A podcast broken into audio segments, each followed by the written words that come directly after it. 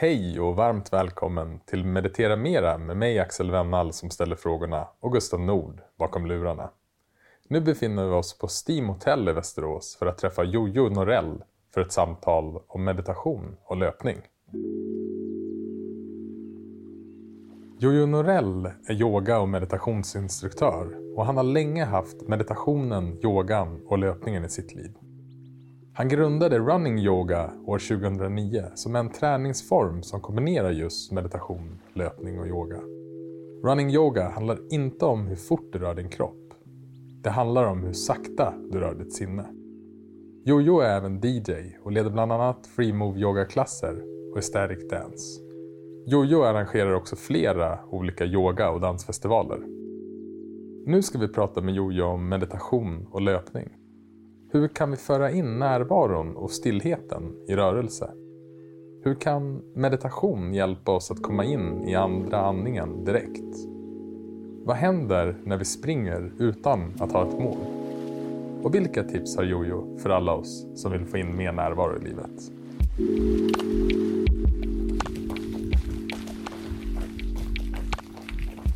Jag tar en tror.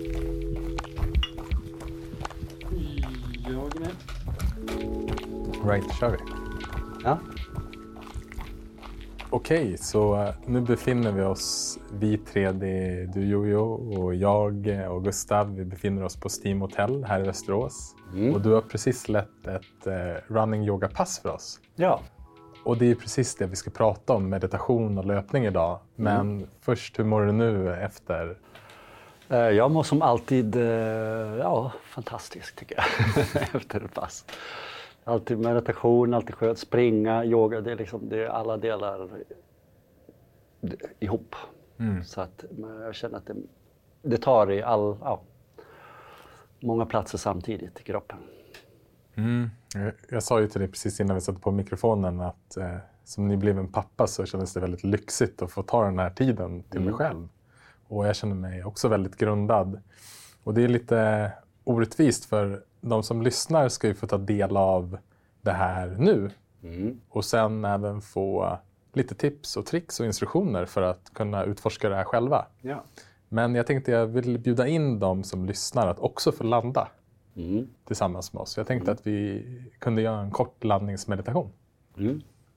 Och vi sitter ju här i ett konferensrum här på Steam och du som lyssnar, du kanske är på språng, du kanske sitter på en buss, är hemma och lagar mat, vad vet jag. Men oavsett vad du gör så se bara om du kan rikta din uppmärksamhet in i kroppen. Du behöver inte sluta ögonen. Men rikta uppmärksamheten in i kroppen i området mitt i bröstkorgen. Du kanske behöver haka av dig tankeflödet. kan du göra genom att bara först lyssna och sen sjunka ner med uppmärksamheten från huvudet genom käkarna genom nacken och halsen.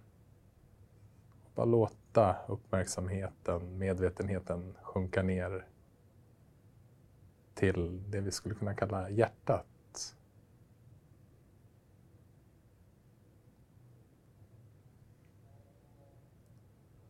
Och när du landar med din medvetenhet här så bara låt allting vara precis som det är.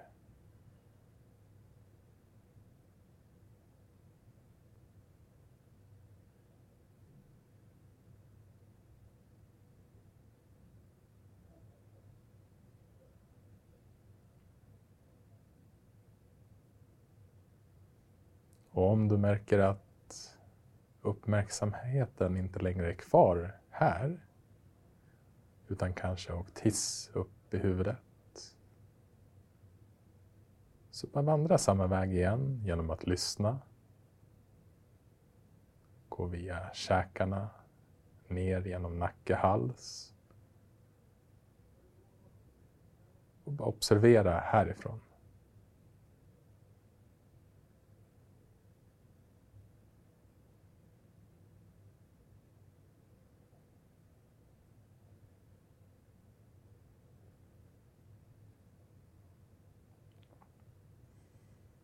Mm. Det var en kort landningsmeditation. Tack. Tack.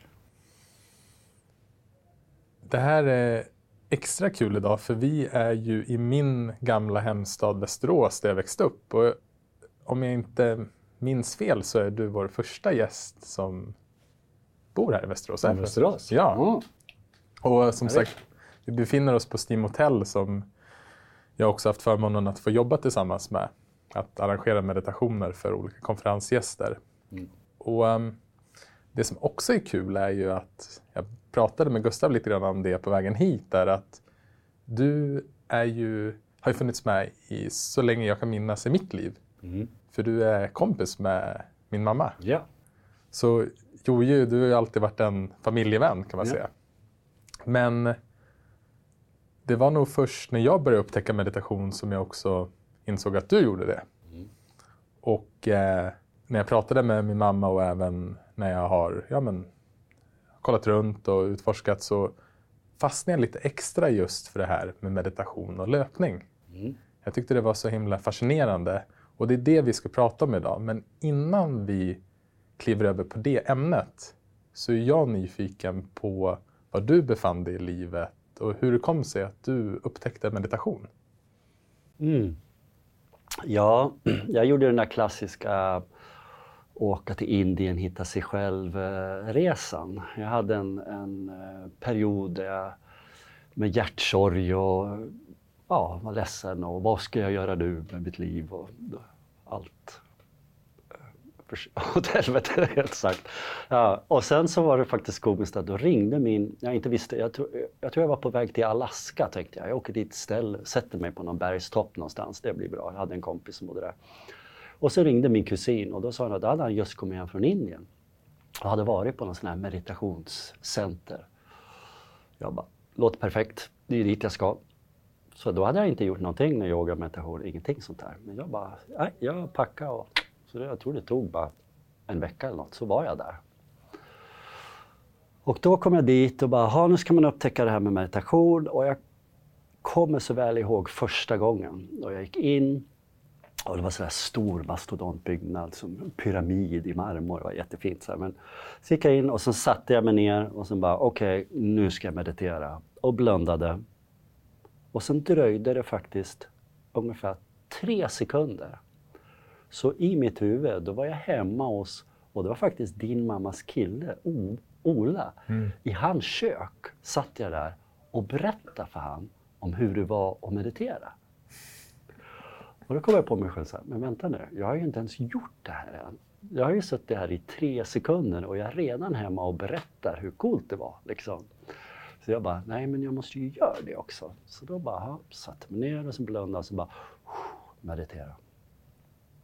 Dum, så var jag tillbaka i Olas kök igen. Liksom. Och då insåg jag att jag hade ingen kontroll. Mm. Det är inte jag som bestämmer här. Jag bara, det, det borde ju vara så enkelt att jag bara, ja men nu tänker jag på det och nu tänker jag på det. Precis som nu lyfter jag det här. Alltså det, det borde ju vara det enklaste i, i, som finns. Men jag klarar inte av det. Några sekunder så vips var jag borta. Och jag bara, det här är intressant. Det här är ju helt galet. Kan jag inte ens tänka mer än några sekunder. Och sen, ja, därifrån då, så fortsatte jag. Och det här var ett väldigt intressant ställe. Den den meditationen de hade där var väldigt mycket dynamisk meditation. Så det var den som grundade det här hade ju den tanken att vi i väst är inte riktigt anpassade till att bara direkt sätta oss ner mörkt och bara blunda. Utan det blir lättare för oss om vi faktiskt gör någon aktivitet. Vi kanske står och skakar, vi kanske står och hoppar, vi kanske dansar, vi kanske springer, vi kanske gör någonting för att få ut lite av de här fysiska spänningarna och därifrån sätta oss ner. Med dynamiska meditationer. Så det var mycket sånt där i, i början. Just det här, den här insikten att man inte kontrollerar. Jag tänker att jag stöter på ganska ofta, jag vet inte om du också gör det, att människor när de upptäcker det så känner de att de har gjort fel med meditation. Att, ja, men vänta nu här, det blir inte tyst, varför blir det inte tyst? Men den insikten är ju också liksom insikten som leder till någon sorts frihet. Att jag kontrollerar inte vad jag tänker. Och gud vad skönt att allt det här chattret, alla de här dummande tankarna, alla de här fördomsfullande tankarna. Ja, men... Inte jag. Precis. Du kan inte skylla på mig. Jag har ingen kontroll. Ja. Nej. Men på ett sätt så är det sant. Men, ja. men sen däremot, okej, okay, men hur vill jag agera på tanken som dyker mm. upp? Där har jag en viss kontroll. Precis. Så vad mer upptäckte du? Vad, du sa att du fann dig själv i Indien. Vad, vad fann du då? Oh, ja, jag tror att genom mycket av de här meditationerna mycket så kanske man skakade av sig mycket av så gamla mönster, gamla sätt att bara göra saker utan att man egentligen är medveten om vad man, vad man gör. Så jag tror att jag, jag fick liksom kasta av mig mycket av det och eh, skala av och till slut landa i där det inte händer så mycket. Mm. Och liksom också få den känslan själv att ah, jag hittar liksom lite hem och det känns, det känns bra och det känns okej. Okay mm. med, med bara mig. Liksom. Där i Indien så beskrev du att det var mycket dynamisk meditation. Mm. Hur har din meditationspraktik förändrats sedan dess? Det var ju där jag började min, min uh, resa inom det här. Det var meditationen där, då var det mest så dynamiska och så. Sen så kom jag in på yogan några år senare. Och sen så kom jag in på löpningen några år senare efter det. Och sen så har jag hamnat tillbaks till meditationen igen.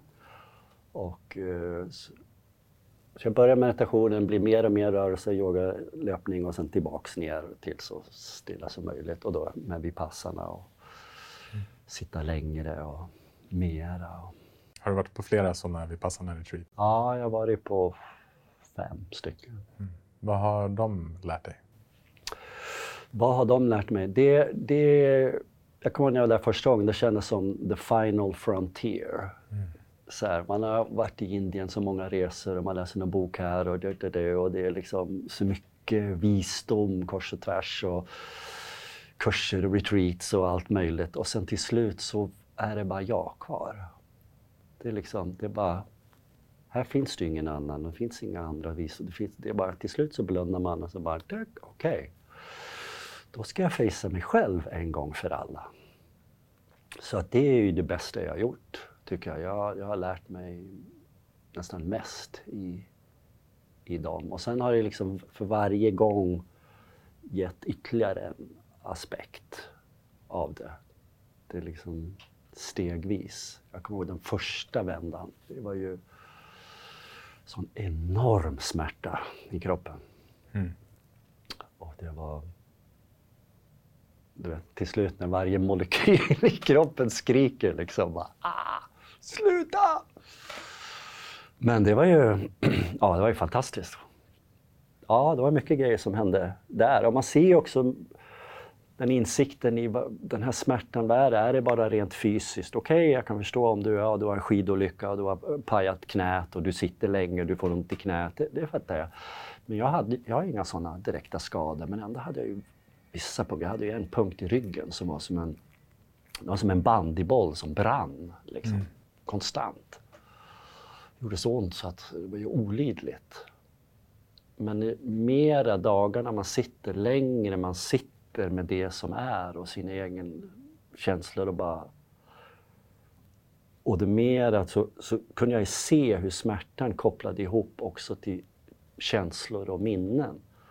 Så att det längre jag satt, så mera kunde saker och ting komma upp som var från mitt förflutna. Det var så bilder från det hände när jag var liten där och det hände där och det hände där. Och I takt med att det kommer upp och man faktiskt när man sitter så där länge så egentligen så trött mm. så att man, man nästan orkar inte bry sig på ett sätt. Så att man ser det och det, då blir det också, man kommer till det där att man kan acceptera allting. Och det som är så fina med just det där att att meditation, att det blir inte så att vissa kan bli lite rädda att oh, men jag vill inte tänk när allt det där kommer upp. Liksom bara, läskigt.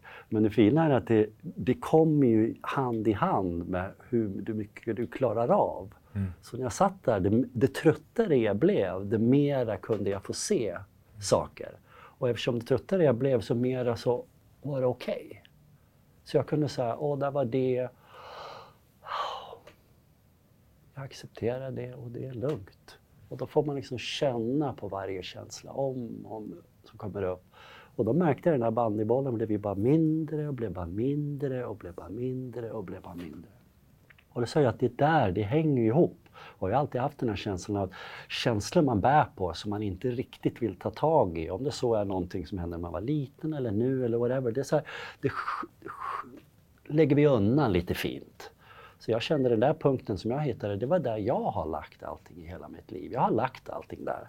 Så det mer jag kunde sitta med det, då så kunde jag skala av den där löken till alla de här känslorna som jag burit på, som bara bygger runt den där bollen. Och då var det att för, för mig som var då den här första, som var så enorm genomslag, det var att den här bollen, när den till slut, till slut så var den så liten så att det är som du vet kvantfysik, då är det ju så när du tittar på den då blir det ju materia, men när du tittar bort då är det ju bara en energivåg. Så jag kände att det var liksom som en liten, liten våg som liksom bara låg där och vibrerade. Och det här var sista passet, sista kvällen där på, vid passen. Och då, så då gick jag in och, och, tog tag i den här, det som var liksom kärnan till, till allting. Och då, pang, då var jag tillbaks i min farmors hall. Och det här är då en sann historia, det som hände då. Och då var jag 14 år och satt i, i den här hallen. Och sen min pappa var döende i cancer och satt i soffan. Och sen så reste han sig upp i soffan och så sa han till mig att det här är sista gången du ser mig. Och jag då, när jag var 14 år, sa att nej, nej, det, det blir jättebra, vi syns sen, hej då pappa. Så stack jag. Men den här gången, när jag satt där och han sa det, då kunde han vara kvar i det. Och då sa jag att det är okej, okay, jag älskar dig. Och jag sa det om och om igen. Tårarna bara föll och föll och föll och jag var kvar. Och då till slut så... Den här lilla klumpen jag hade i ryggen, den bara gick upp i molekyler. Sen dess har jag inte haft ont i ryggen. Så jag vet att där, man har den där. Där började min en smärta som jag har bara lagt, lagt, lagt, lagt, lagt, lagt.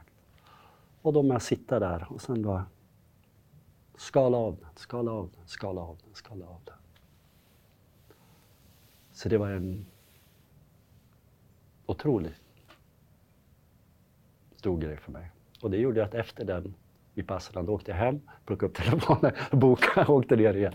Körde en tio veckors tid igen. Ja.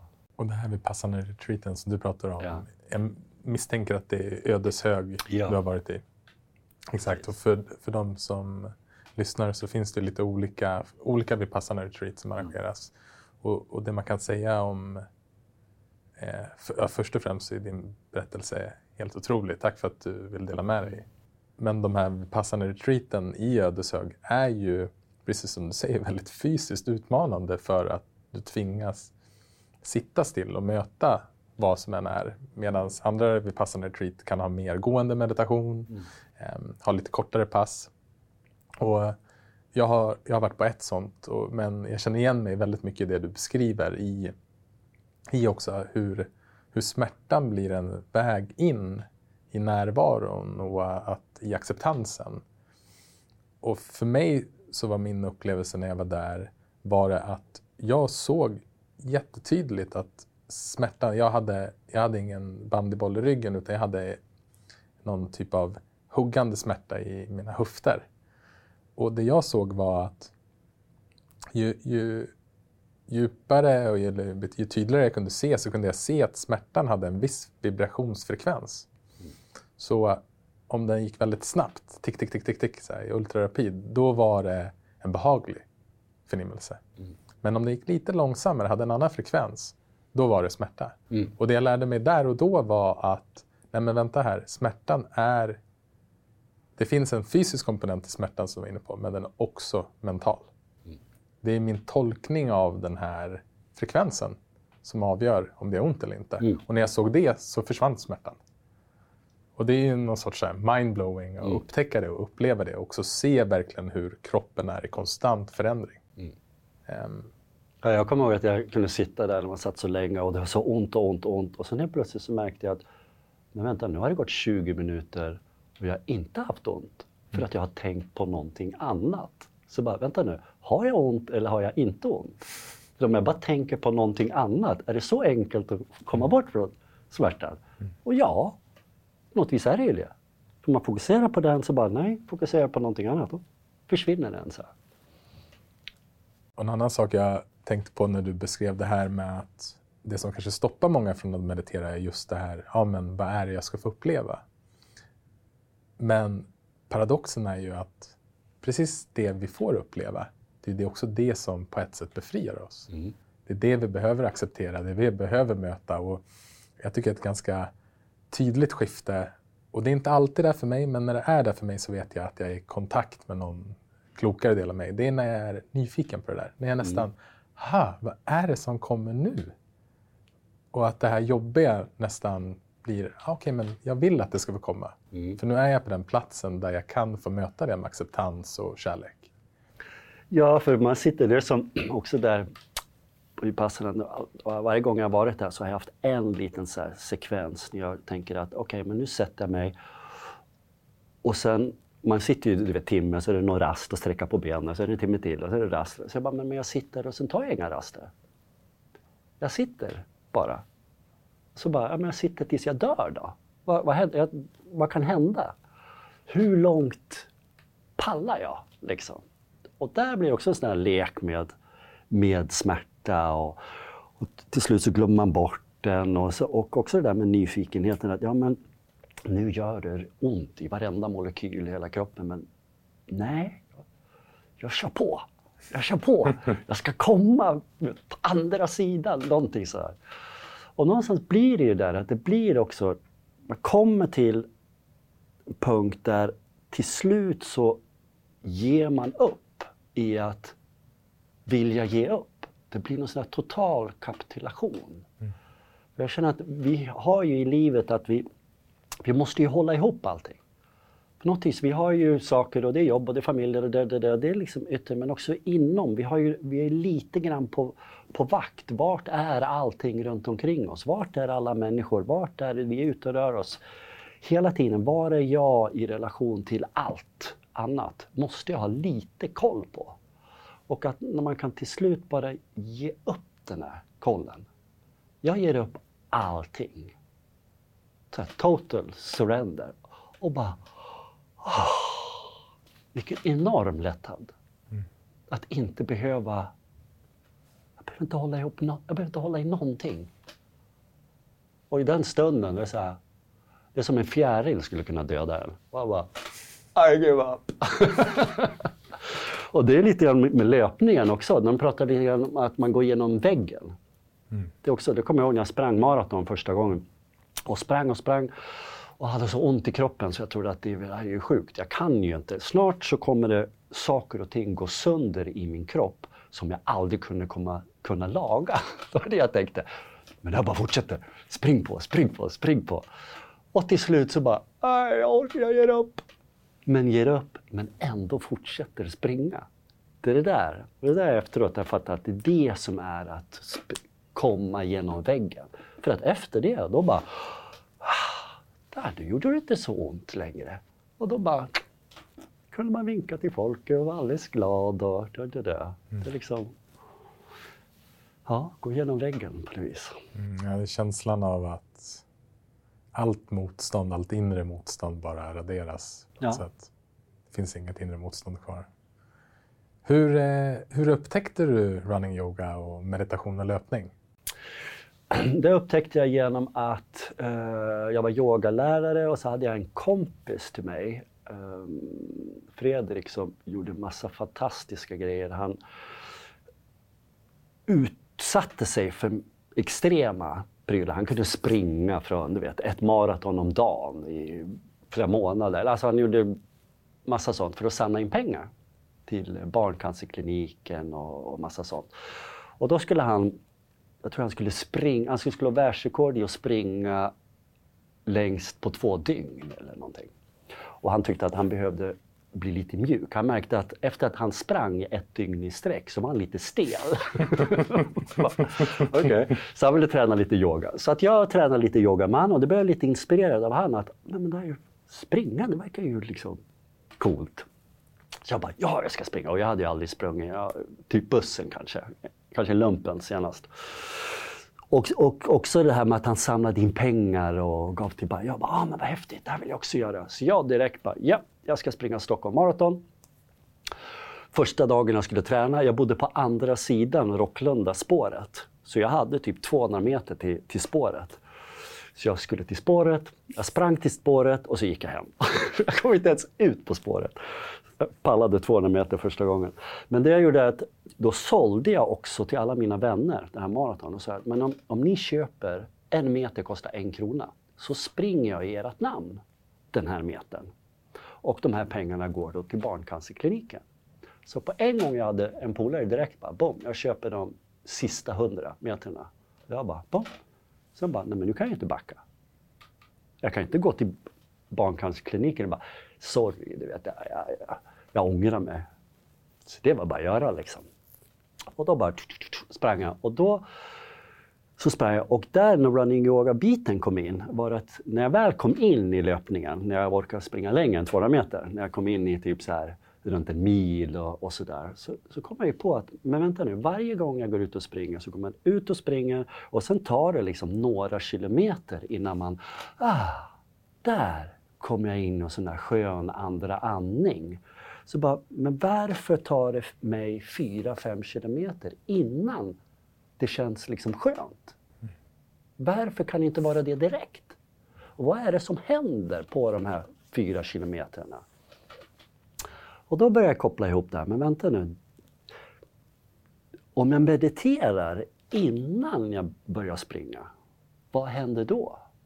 Då bara, ah, men då är jag ju redan i den här andra andningen redan när jag börjar. För att det initiellt, om du bara går ut och springer som många gör, så går man ut och så tänker man på allt möjligt och jag ska göra det och det, det, det, det, det. Och sen till slut så blir det att kroppen säger, men jag orkar inte tänka på massa saker och springa, jag orkar inte hålla allting igång. Så någonting måste tas bort. och det är då det blir lite stillare i huvudet. Om man stillar i huvudet redan från början, då blir det mycket skönare. Och vips, så blev det det. Så jag bara, åh, vad skönt. För att jag har också märkt att de här första kilometerna när man liksom nöter ut sinnet. Lite grann man brukar prata om sinnet är som en, vild häst. Ska, ska man nöta ut den eller ska man tämja den? Och så här, normalt så brukar man nöta ut den. Och den energin som går åt att bara köra på tills hjärnan blir så slut så man kan slappna av. Det är väldigt mycket energi. Så när man kan börja direkt i ett lugnt meditativt tillstånd. Det, det är liksom, den första halvtimmen det är ju två timmar i andra änden som du kan springa längre. För att du, du spar den energin. Mm. Ja, vi har ju fått eh, testa här. Och mm. det som eh, slog mig var ju att det verkligen fungerade att komma in i andra andningen. Och det, det som, den instruktionen som du gav mig och Gustav också som jag tycker är viktig att, att ha med sig för, för dig som lyssnar också är att vi började ju springa och sprang hela tiden utan med, med så lite ansträngning som möjligt. Mm. För att säga att vi sprang utan ansträngning, det vore felaktigt. Men vi sprang med så lite ansträngning som möjligt. Och, och, det här är ju, för mig som gammal idrottskille, det här är ju väldigt ovant. Mm. Um, för jag har ju liksom som en inre liten tävlingsgeneral i huvudet som säger, så det, liksom, det räcker ju att, eh, att jag ser någon gå 100 meter framför, då ska jag ju fort som tusan springa förbi den här personen mm. och det liksom har inre små tävlingar. Men det fanns någonting väldigt skönt i att att liksom släppa den tävlingsgeneralen. Och, och det, det jag upplevde var att istället då så direkt så är man i kroppen. Och just det här, just den här sköna känslan som du beskrev av löpning som jag tror många känner. Jag tror många använder löpning som en sorts, eh, det hör jag ganska ofta, att så här, men med, löpning är min meditation och det man menar då är ju att så här, nej, men jag får ett, en paus från mitt tankeflöde. Mm. Men egentligen det man gör är att man, precis som du var inne på, att man springer och sen till slut blir det tyst. Ja. Det är lite som att ta en bärs. Det blir tyst Ja, efter ett eller tag. stå och dansa på ett rave i några timmar. Till slut så blir det tyst. Till slut blir det tyst. Ja. Men här, genom att, att vi började med, med meditation och att sen vi hade tydliga instruktioner som jag gärna vill att du delar med dig av här alldeles snart, så var det behagligt direkt. Mm. Och det, ja, men det blir mer av en, det blir mer av en upplevelse Mm. av löpningen, blev det. Mer av, och det kan jag också känna att för mig själv, och jag tror många känner igen sig i det, så blir löpningen ett medel för att nå ett mål. Alltså man går ut och springer för att man ska må lite bättre sen. Mm. Det är så himla skönt att komma hem från Efter, löpningen, ja. efter löpningen. Men här så förflyttar man istället fokuset till nuet, Mm. helt och hållet. Mm. Vill du bara dela med dig lite grann av, eh, av instruktionerna som du gav oss? Mm. Eh, och sen, ja, men, vad är dina tankar på det, det jag, mina reflektioner av den här Mm. löpningen? Nej, men det är som du säger, det är själva resan i det här som är det sköna. Inte så här belöningen efteråt som det ofta är när det är någonting sportsligt. Och då är det ska man ta i så mycket som möjligt och sen är man helt slut efteråt och bara ah, vad skönt. Och då är det det här man ska nöta ut sig. Men här, det som är det sköna, som jag gillar, är när man kommer in i den där känslan av att jag kan hålla på för evigt. Det, jag tar inte i någonstans. Allting bara flyter på och det är tyst. Så när man tittar sig omkring så är man uppmärksam över solen, och man är, alltså det som är runt omkring en. Man var så här, ah, saker är fint, saker är, alltså världen är, och man är inte upptagen med någonting. Och det är bara liksom flyter på. Tar aldrig slut. Ner, ut mot solnedgången lite grann. För när du pratade tidigare också, det här Ändå är man haren eller så är man sköldpaddan lite grann.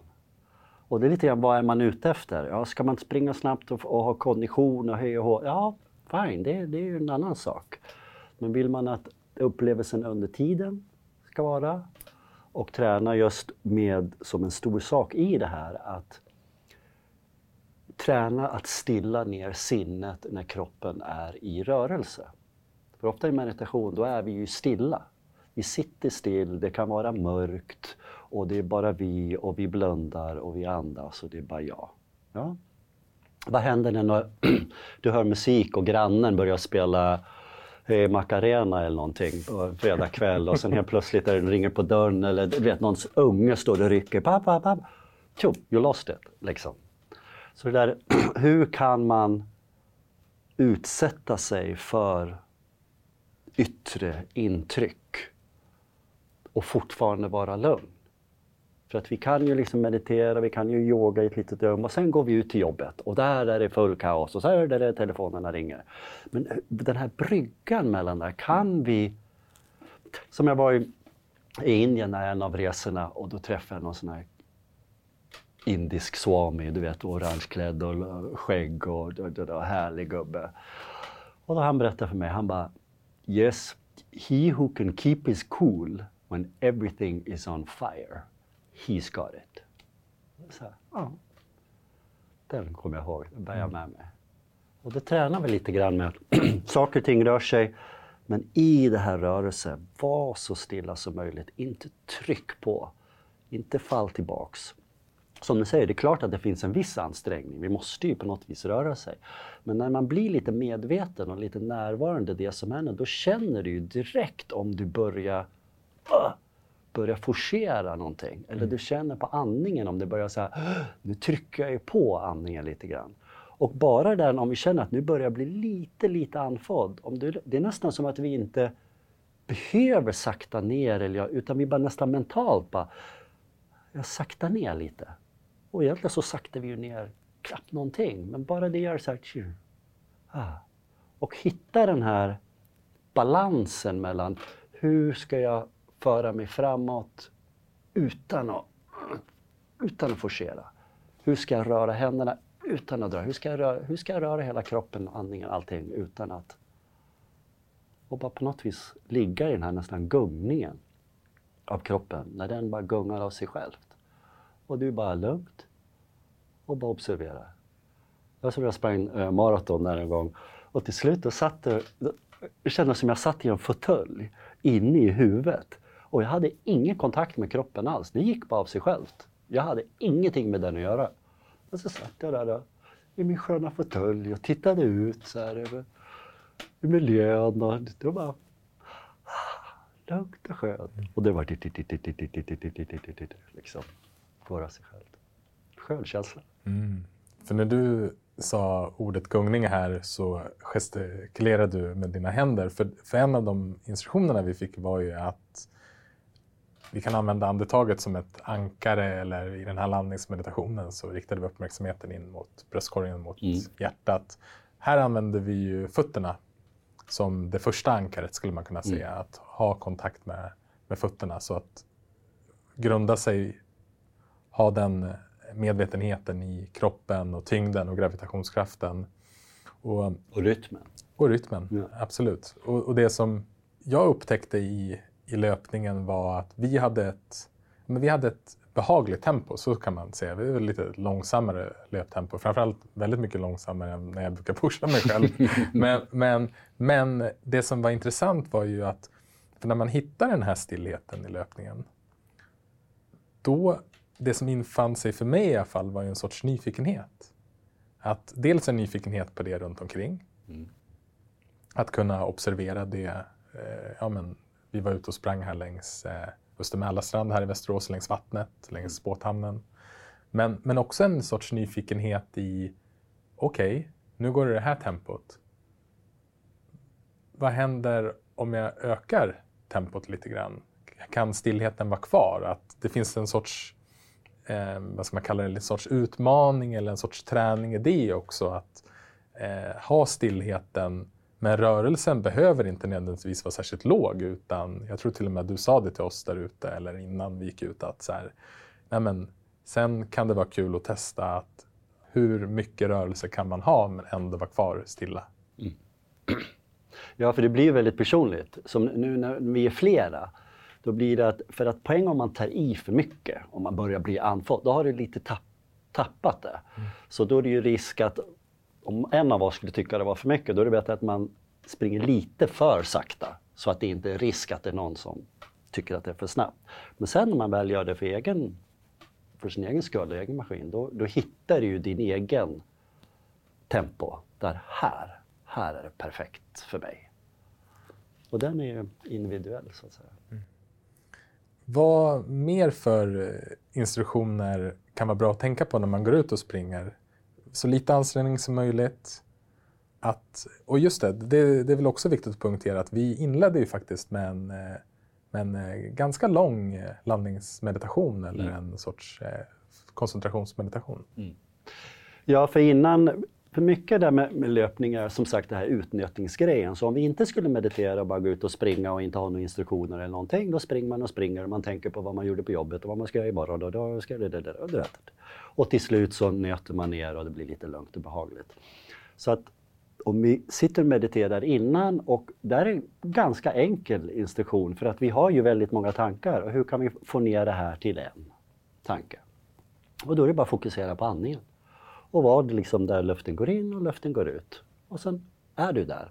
Och det klassiska liksom, åker iväg i tankarna och tar sig tillbaks. Och sen är du där. Och från där när du känner att du får lite bra, du är där, liksom, du är ganska bra häng på, då kan du gå ut, börja röra dig och ska, och ska springa. Mm. Så det beror lite grann på, du kanske bara mediterar fem minuter innan du går ut och börjar springa. Eller du kanske känner att idag måste jag göra lite mera. Men målet med meditationen innan är ju att du liksom ah, dum, kan landa och centrera dig. Mm.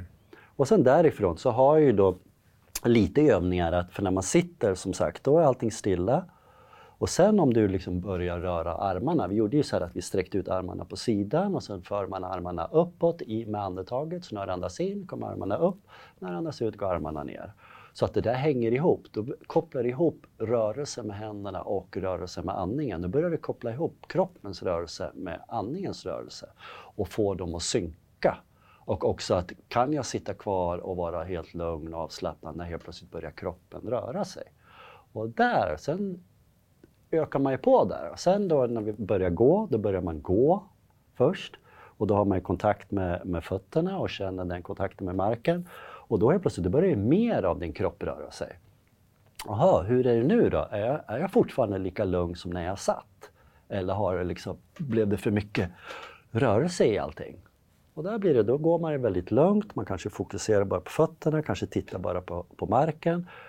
Och sen, hur långt ska du gå? Du kanske bara går 20 meter innan du börjar springa. Du kanske går en 20 minuter innan du börjar springa. Du kanske inte börjar springa överhuvudtaget. Du kanske börjar med bara gå. För det är ju det, hur mycket rörelse kan du utsätta dig för men ändå vara kvar och vara stilla? Så det kanske är att du bara går. För att på en gång du börjar springa, boom, då tappar du det direkt för att du blir andfådd och det är jobbigt och du får ont i knäna och hej och hå. Ja, då kan du vänta med det.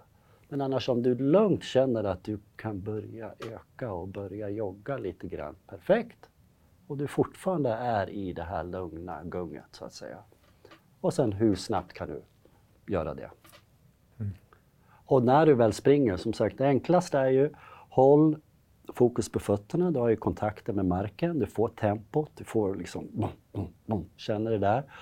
Och sen, som jag brukar ofta göra, att, äh, med blicken. Så att för när man är ute, det är mycket man tittar på. Det är liksom, där går en hund och där var det någon som gick förbi och det är bara, åh vad är det där för bil eller båt? Nu var vi här vid hamnen och du vet, man såg ju båtarna och jag seglar ju så jag direkt jag bara, får du titta, segelbåtar! det var inte så många båtar, de har inte lagt i dem än. Annars hade det varit väldigt jobbigt för mig. Men hur som helst, så att man, det man kan göra är att man fäster blicken så långt bort som möjligt. Och därför jag älskar att springa när det är raksträckor springa i en skog, det är jättejobbigt om det är så här, höger, vänster, höger, vänster, höger, vänster. För det jag gillar inte. Jag vill helst, min, min ultimata dröm är att springa på autobahn. det finns inte någon sväng alls. Det var så här, evighetens tunnel. Så därför är det skönt här då, så att, så att man fäster blicken på någon punkt så långt bort som möjligt. Och sen bara lugnt stirra på den. Precis som man när du fäster blicken på andningen som går upp och ner. Och då blir det, du är där. Vips, som ah, var det någon som gick förbi med en hund, och tittade bort. Ja, gå tillbaks till den punkten.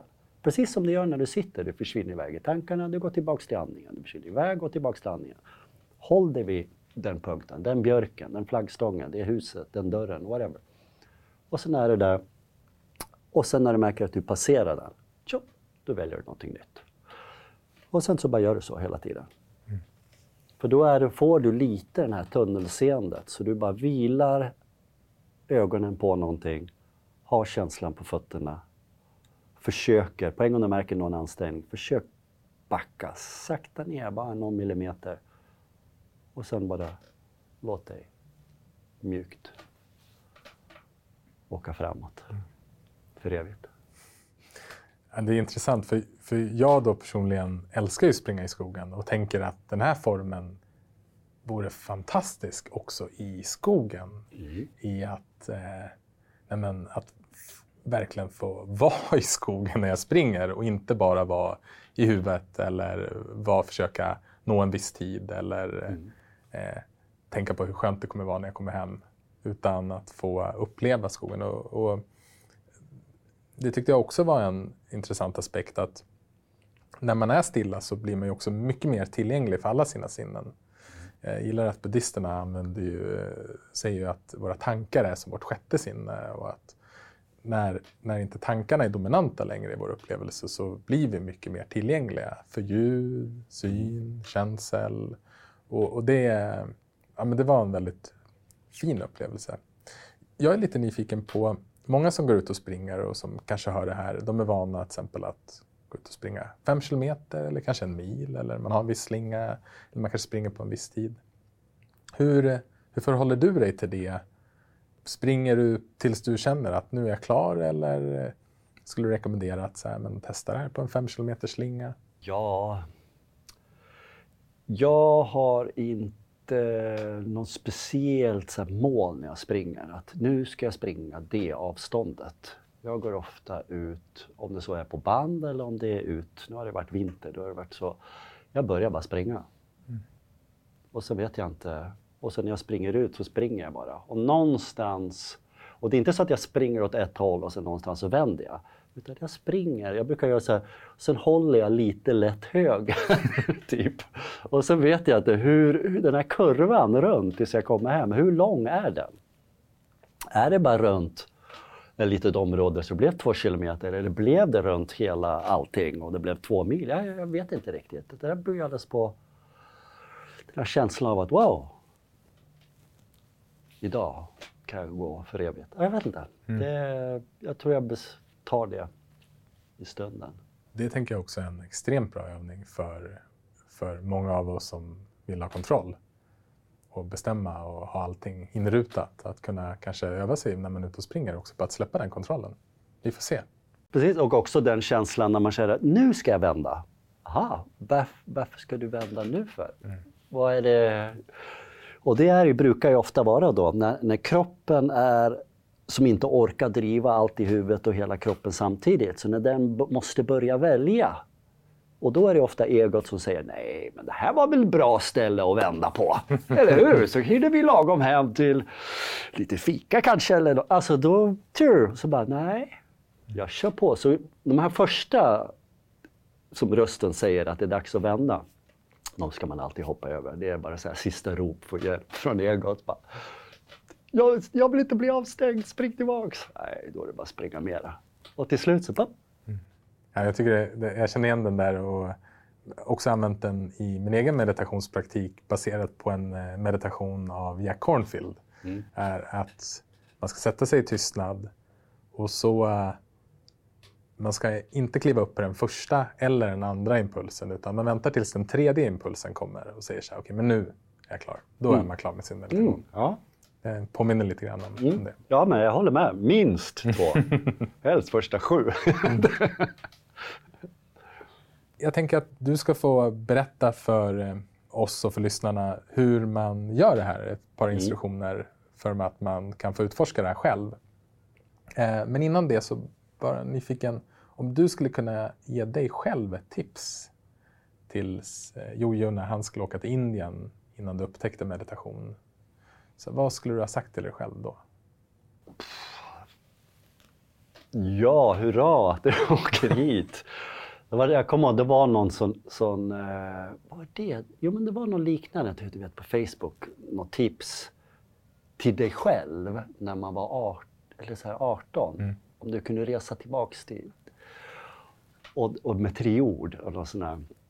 Och mitt var, börja meditera nu. Jag skulle ha börjat långt tidigare. Mm. Man gjorde. Helt klart. Mm. Och samtidigt så tacksam att man upptäckte det. Ja, ja, Att man bara upptäckte det. Ja, ja. ja och ändå kanske relativt tidigt jämfört med när vissa upptäcker det. Precis. Mm. Vi har en del i podden vi kallar för Fem snabba. Så bara det första som kommer upp. Mm. Eh, vilken eller vilka personer, som mm. de kan både vara döda eller levande, skulle du vilja ha på middag?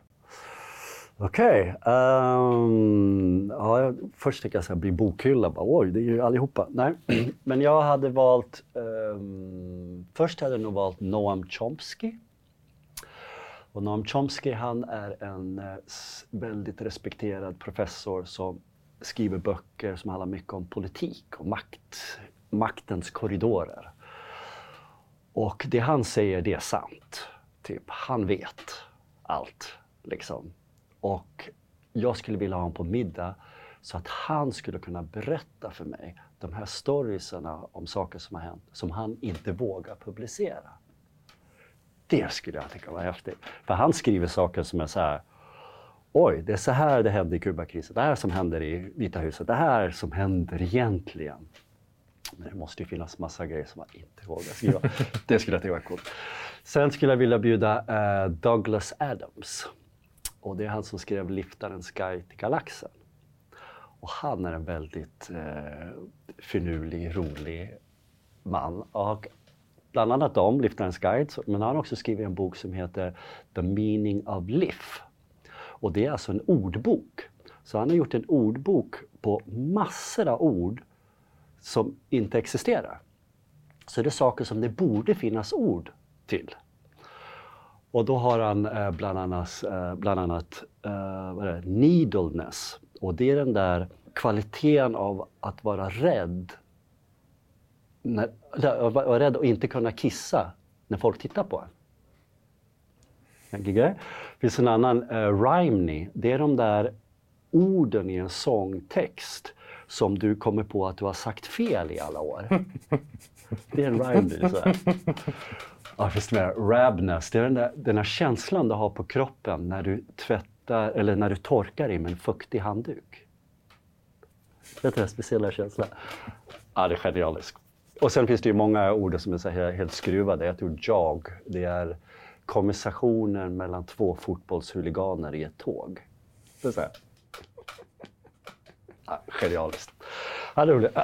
Sen skulle jag vilja bjuda, uh, vad heter han, Michael Erickson. Han var en psykolog som är eh, väldigt känd här, från gamla tiderna. Och han hade en fascinerande historia och det var att han eh, hade polio och kunde inte röra någonting. Det enda han kunde röra var sina ögon.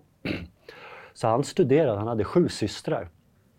Och han studerade dem när de rörde sig hemma och när de pratade och allting. Och kunde läsa ansiktsuttrycken. Så han kunde ju se när de sa nej men menar ja, menar ja och sa nej. Mm. Så han kunde, ju, han kunde ju läsa av dem in i minsta detalj. Wow. Så när han sen blev frisk och kunde röra sig och var liksom en psykolog. Så det som han kunde analysera sina klienter med, det var hur de rörde sig. Hur de pratade, hur de anser allting. Så här. Det fanns en, en, en känd historia hur han, han hade en, en klient som han träffar för första gången, en kvinna. Kommer in genom dörren, går in, sätter sig framför han och de tittar på varandra och han börjar med att säga mm, hur länge har du varit otrogen mot din man då? Och hon bara, det såg han från den här resan. Så att han var helt, folk trodde han var synsk, men det var inte det. Han kunde ju bara, han läste allting. Så han skulle vara coolt att ha på middag, prata med han hela middagen och sen vid desserten så frågar man, okej, okay, vad är din analys, analys på mig? Du vet, det handlar bara, det här när du rör fingret, det betyder, alltså allt det här undermedvetna som är bortom ord. Mm. Du vet, som man gör, som man har ingen aning om. Det ska jag tycka. Och sen då, sista då. För nu har jag bara tagit en massa män, kommer jag på. Eh, prinsessan Diana skulle jag vilja ha. Hon, eh, jag såg någon dokumentär med henne och kom på att vilken fantastisk kvinna det var. Hon var alltså så väldigt så väldigt så sårbar, så väldigt kärleksfull och så väldigt stark. Hon, vilken power det var i den kvinnan. Hon var liksom så, så graciös och så ståtlig och så stark men ändå så, så mjuk och så hjärtlig mot, mot alla. Så att det hade varit en ära att få ha henne vid bordet, tycker jag. Mm. Wow. Det var det absolut längsta svaret på fem snabba vi har haft. Men det var, det var värt det. Det var värt det. det, var värt det. Eh, vi fortsätter. Ja. När var du ledsen senast? Oh, uh, det var i lördags tror jag. Um, jag var iväg på en, uh, en retreat sådär och man åker iväg på sådana här liksom, kurser eller retreat. Man blir väldigt sårbar och man liksom går in i hjärtat och det. Och då, då var det en, någonting som hände som jag tog väldigt illa vid mig. Och först blev jag väldigt arg och arg på alla. Och, och, och, ända tills jag kunde liksom se vad det var jag var arg i och kunde liksom och så har de ju så fint, vi hade en sån här grupp så vi kunde liksom sharea och dela med oss av allting. Och jag, det var med tre andra män. Så jag, den här tryggheten att kunna blotta sig. Mm. Och verkligen, och jag grät och liksom kunde lägga ut hur jag, hur jag ville också få uppskattning. Att vilja bli älskad för den man är. Och inte bara den här lilla pojken i mig, utan faktiskt jag nu. Mm. Jag vill också bli uppskattad. Jag vill också. Så jag var ju så här... liksom. Så det var väldigt fint att kunna få, få göra det. Vilken bok eller dokumentär skulle du vilja tipsa om? Uh, då skulle jag nog vilja tipsa om On the body keeps the score. Kroppen håller ställningen, tror jag den heter på svenska. Mm. Med Besselwander... Heter den Kolk? Besselwander Kork? Bessel- Besselwander Kerk, kanske? Det handlar om eh, trauma. Mm. Och den, den blev väldigt tagen av den boken. Nu är det ju, han berättar om sitt jobbar och hela sitt liv med att jobba med sådana här patienter. Och jag har ju alltid tänkt så här innan att ja, men trauma, det är ju så här, de som har råkat ut för någonting extremt.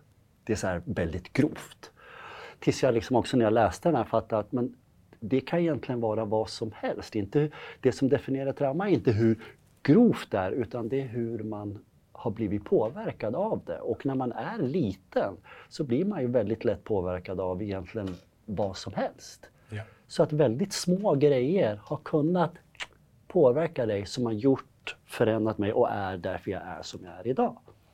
Så att från att läsa den och också då hela tiden dra paralleller till sitt eget liv och kunna titta på det och ge sig själv en stund. För ofta när vi mediterar, det så här, åh, det kommer tankar, nej men gå tillbaks till känslan, gå tillbaks till känslan och så kommer den här känslan försvinna. Men då, när jag läste den, då gav jag mig själv ett tillfälle att, okej, men nu går jag åt andra hållet. Nu ska jag analysera skiten nu, allting, en kort tid. Och se vad bottnar i allting, allting jag gör. Varför gör jag det? Varför går jag dit, eller dit? Varför jag är hungrig, jag tar lite choklad istället. Varför, varför gör jag alla de här sakerna? Var kommer det ifrån? Och kunna se det en gång för alla. Och då när man väl ser att det är det här det handlar om. Det är min rädsla eller min ensam ba, ba, ba, någonting från när jag var liten någonstans, hej och hå.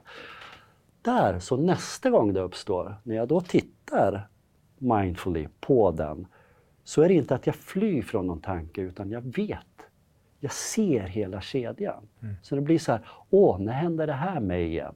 Ja, innan jag har sagt ordet igen, så har jag redan spolat igenom att det här handlar om det där som hände när jag var nio år, som handlade där, det där. Jag ser. Du vet, de brukar säga att när man dör så spolas livet tillbaka, så här, ultraterapi. Det här är när det kommer en sån, då spolar jag på någon sekund genom hela grejen och då förstår jag. Och då kan jag välja någonting annat. Så att den boken var väldigt... Eh, jag blev helt slut av att analysera precis varenda liten. Men det var väldigt, väldigt, väldigt intressant. Och då framförallt att man gör det nyfiket och inte så här, åh, och helt plötsligt får jag se alla dåliga sidor. Nej, se det lite nyfiket, lite, ja, du gör du så här igen, varför gör du så? Nu gör du den här grejen. Jag vet, jag gjorde en sån här enkel grej att alltid när jag pratade med folk märkte jag att jag la upp högerfoten, la jag upp på sidan. Jag bara tyck. Och jag bara, varför gör jag det? Varför vrider jag min fot lite grann varje gång jag pratar med någon? Så kom jag på det.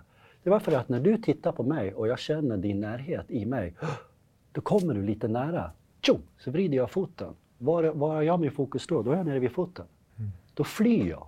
För när du kommer nära mig så sticker jag till min fot.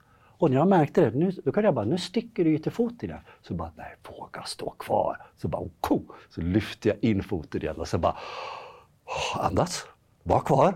Det är läskigt, men jag är kvar.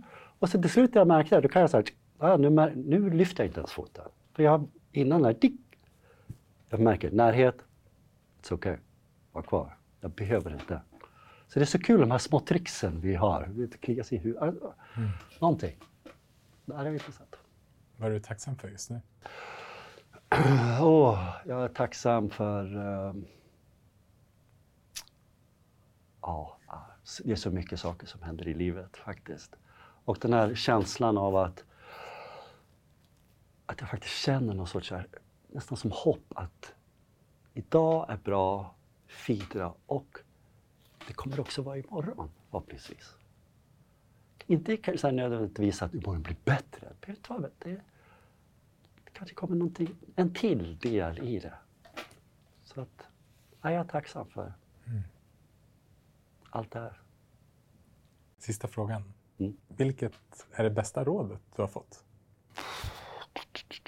Ja... Jag, jag kan egentligen bara komma ihåg ett råd av allt. Så jag kan inte välja det bästa. Det var pappa sa till mig någon gång. Jag skulle åka iväg på något seglarläger och det var så här. Räcka upp handen. Om någon frågar så här, ska, vem ska vara med du vet, och göra någonting? Räck upp handen. Gör det. Inte låt någon annan göra det. Gör grejerna. Säg ja, och så tar man det. Suveränt. Mm.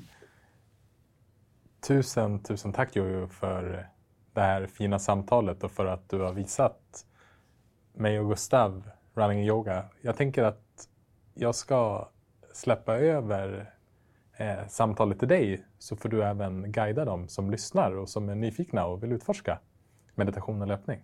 Mm. Okej. Okay. nu har vi pratat lite grann om running yoga och olika delarna. Men om jag tänker, jag kan beskriva lite snabbt ungefär hur ett pass går till. Och till en början, sätt dig ner, ska meditera. Syftet är att samla stilla tankarna, stilla sinnet. Många tankar ner till en punkt. Så sätt dig bekvämt, andas lugnt. Känn in kroppen, omgivningen. Betrakta sinnet, bilderna och för uppmärksamheten till andningen. Hur luften går in och hur luften går ut. Känner förnimmelserna på den punkten. Här kan du sitta och vara kvar i den meditationen av att fokusera på andningen. Och varje gång ni åker iväg, ta tillbaks. När ni känner att ni slappnar av i det, att axlarna faller ner och ni säger mm, nu är jag landad och kan fokusera på andningen. Då är det dags för nästa del så om det här tar er fem minuter, det kanske tar er 10, 15, 20, whatever. Sitt tills ni känner, ah, nu. Och då kan ni börja röra med andningen, så ni lyfter armarna upp och ner ihop med andningen, bara för att koppla så att kroppen och andningen synkar ihop. Sen ställer ni er upp sen, känner fötterna, och sakta börjar röra er mot där ni ska springa. Så i början då blir det som att ni går, fokusera på fötterna, varje steg, seendet på golvet framför er längs när ni går på marken. Och sen kan ni fortsätta med det och gå. Och någonstans så börjar ni att springa. Ni kanske fortsätter att bara gå. Men annars så börjar ni löpa, jogga lite lätt. Har fokus på fötterna, Känner varje steg. Sakta så kommer blicken upp. Ni väljer någonstans att titta på långt, långt bort. Och när ni passerar den punkten så väljer ni en ny plats. Ni känner att ni är avslappnade. Ni inte trycker på, inte forcera någonting. Känner ni att ni blir lite andfådd, sakta ner lite grann. Allting ska ske lugnt och få den här känslan att det inte ansträngs någonstans och ni kan springa för evigt. Och efter det, när ni väl kommer fram, tillbaks, så kan ni landa, fälla er framåt, låta baksidan sträcka på benen, kommer ner och gör en solhälsning. Extra mycket fokus på bakåt hunden, så ni sträcker baksidan. Och i det här yogapasset, där kan ni välja lite egna delar. Men tänk att det är ju fokus runt benen, svanken, höfterna. Så de yogapositionerna, jag brukar gilla duvan, plogen och eh, hunden. Så ni väljer de delarna som passar runt för det. Och sen till slut landar shavasana. Och sen upp, kan sitta, meditera en liten stund igen. Så sakta upp ögonen. Så är ni framme.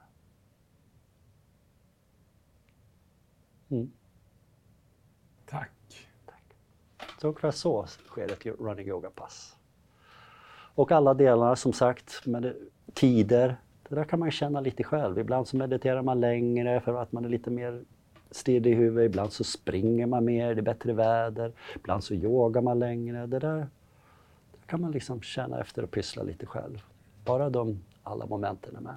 Jag tycker det är ett väldigt fint råd att just det här med att utforska själv. Att det finns en väldigt, väldigt fin struktur eller ram med meditationen, med löpningen, med yogan och sen vart man gör det, hur man gör det, hur länge man gör det och får man upptäcka vad som passar just där och då man befinner sig.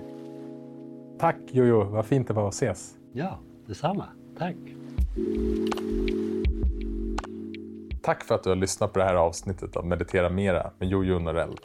Vi hoppas att du har blivit inspirerad av vårt samtal och av Jojos instruktioner för att meditera och löpa samtidigt. Om du vill komma i kontakt med Jojo hittar du hans kontaktuppgifter på vår hemsida mindfully.nu. Och du har väl inte heller missat att Bridin är tillbaka med flera retreater igen. Den 13 till 15 maj 2022 åker vi till Björnbacka för en helgretreat med fokus på meditation, vandring och skogsbad. Och sen åker vi mellan den 28 september till den 2 oktober 2022 till magiska Lofoten för ett mer äventyrsfyllt retreat med toppvandringar, paddling och såklart en massa meditation och närvaro. För mer information om våra retreater och för att boka din plats, gå in på bredin.se. Och är det något vi har tagit med oss från vårt samtal med Jojo är det att det är fullt möjligt att komma in i andra andningen från det första steget. Ta hand om dig så hörs vi snart igen.